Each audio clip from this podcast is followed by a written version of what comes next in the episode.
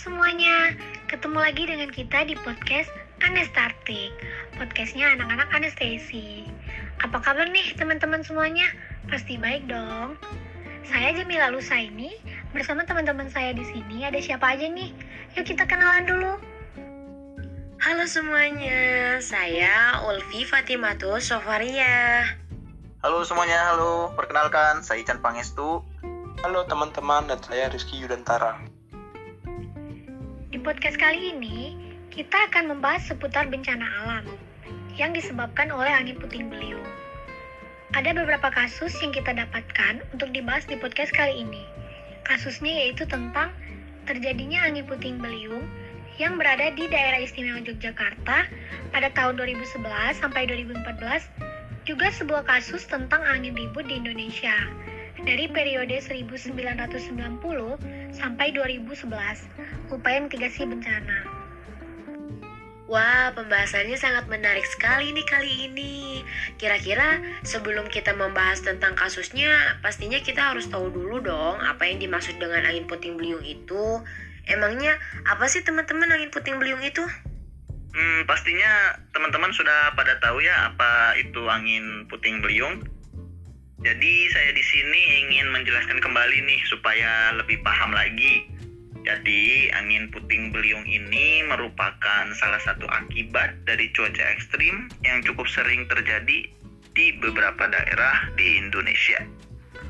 Nah, benar Chan.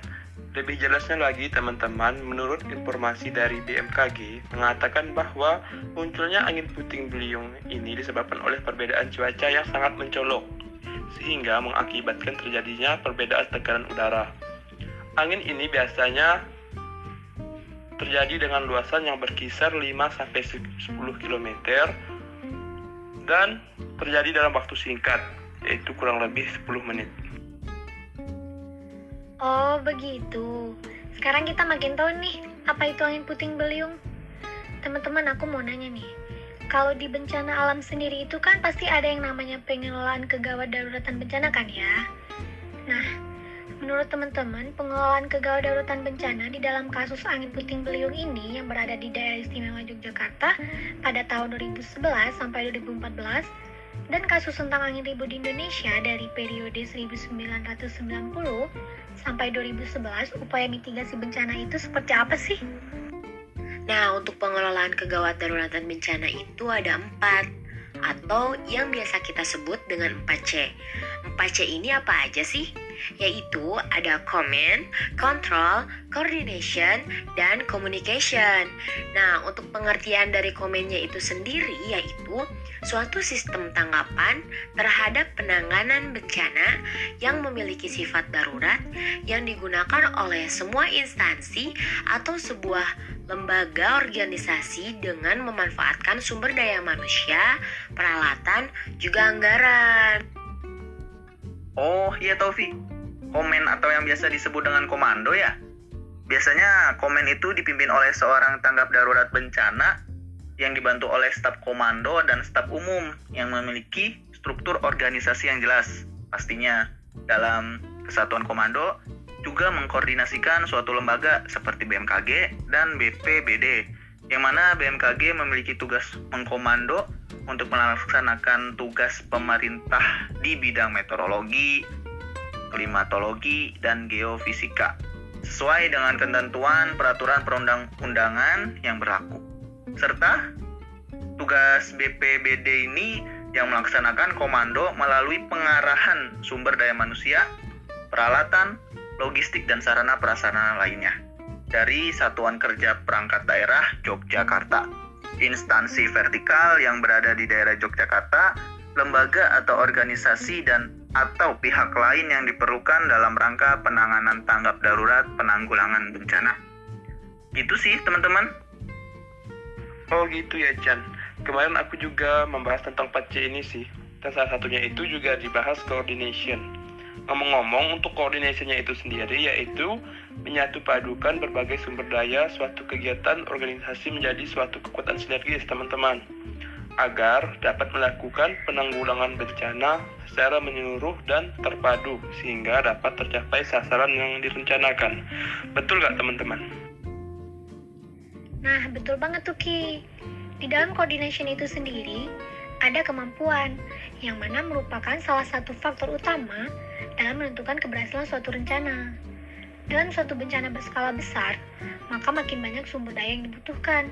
Kemampuan masing-masing pihak penolong untuk mendata penolong permasalahan, menghitung sumber daya yang dimiliki, dan berkomunikasi antar sesama akan menentukan keberhasilan suatu program. Oh iya teman-teman, pada bagian coordination ini juga banyak masyarakat yang akan bersedia untuk membantu loh. Selain itu, para penegak hukum, pemadam kebakaran, para medis, dan lainnya pasti akan dengan sukarela membantu tim penanggulangan dampak bencana loh. Kita sebagai mahasiswa ataupun mahasiswi juga harus meyakinkan masyarakat bahwa kita itu mampu memberikan bantuan yang diperlukan sehingga mereka itu dapat percaya pada kita. Nah, nice banget itu Vi. Selain itu juga kita harus segera hubungi kepala dari pemadam kebakaran, kepolisian, dan tenaga kesehatan setempat untuk mendiskusikan tentang program yang akan dijalankan. Bila diperlukan evakuasi warga, maka kita harus mengkoordinasi dengan pihak penyedia transportasi lokal juga diperlukan tuh. Selain itu, kita juga harus mendata kebutuhan lain apa yang kita perlukan untuk menjamin keamanan. Misalnya, kantong pasir, truk besar, tim kepolisian atau tim TNI juga bisa memberi mereka keyakinan dan kepercayaan diri bahwa mereka sanggup bertindak untuk menjamin keselamatan dan melindungi keamanan warga.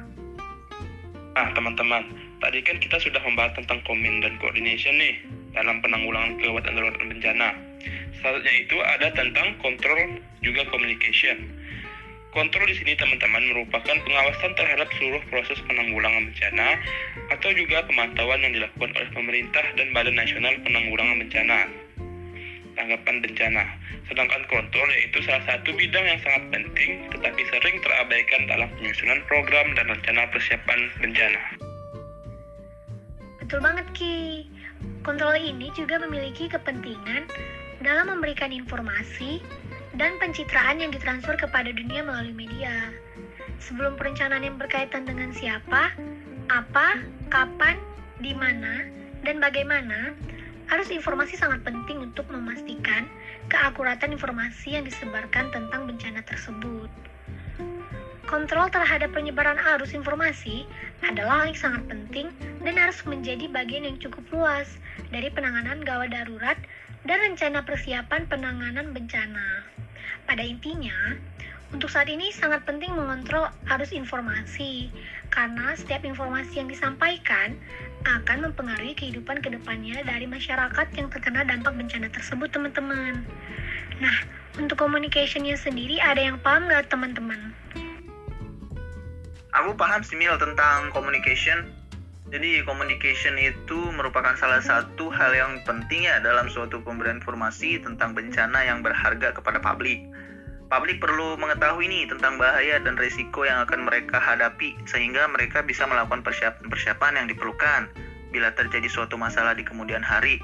Hal yang paling penting dilakukan yaitu mitigasi dalam tahap ini, seluruh potensi komunikasi menjadi penting untuk memastikan pencegahan dan pengurangan resiko. Dan tanpa pengetahuan yang cukup, masyarakat akan sulit untuk melakukan persiapan-persiapan tersebut. Oleh karena itu, seorang tenaga profesional hendaknya mengetahui sudut pandang dan kebutuhan dari masyarakat di sekitarnya, sehingga mereka itu bisa memberikan pertolongan dengan tepat. Hal ini biasanya dilakukan oleh lembaga yang menangani bencana seperti BNPB yang memiliki juga diperlukan keterlibatan dari media massa, industri, politik, dan berbagai komponen masyarakat atau lembaganya. Betul banget tuh Chan. Jadi dari pembahasan yang telah kita bahas ini teman-teman bisa kita ambil kesimpulan bahwa dari kasus yang kita bahas memiliki 4C atau Comment, Coordination, Control, dan Communication. Untuk komen dalam kasus ini yaitu seperti BMKG dan BPBD yang mana mengkomando dan melaksanakan tugas di bidangnya serta melakukan koordinasi dengan menyatu padukan berbagai sumber daya suatu kegiatan organisasi menjadi suatu kekuatan sinergis agar dapat melakukan penanggulangan bencana secara menyeluruh dan terpadu sehingga dapat tercapai sasaran yang direncanakan disertai kontrol pengawasan terhadap suatu atau seluruh proses penanggulangan bencana atau juga pemantauan yang dilakukan oleh pemerintah dan Badan Nasional Penanggulangan Bencana Tanggapan Bencana dan serta melakukan communication informasi tentang bencana yang berharga kepada publik. Wah, seru kali ya pembahasan kita kali ini. Nggak terasa sudah berlalu nih. Terima kasih ya untuk teman-teman yang sudah menyempatkan waktunya dan meng-share ilmu yang sangat bermanfaat ini. Semoga ilmunya bisa bermanfaat untuk kita semua ya. Kami pamit undur diri. Terima kasih semuanya. Dah. Thanks ya semuanya ya. Terima kasih, terima kasih. Dah.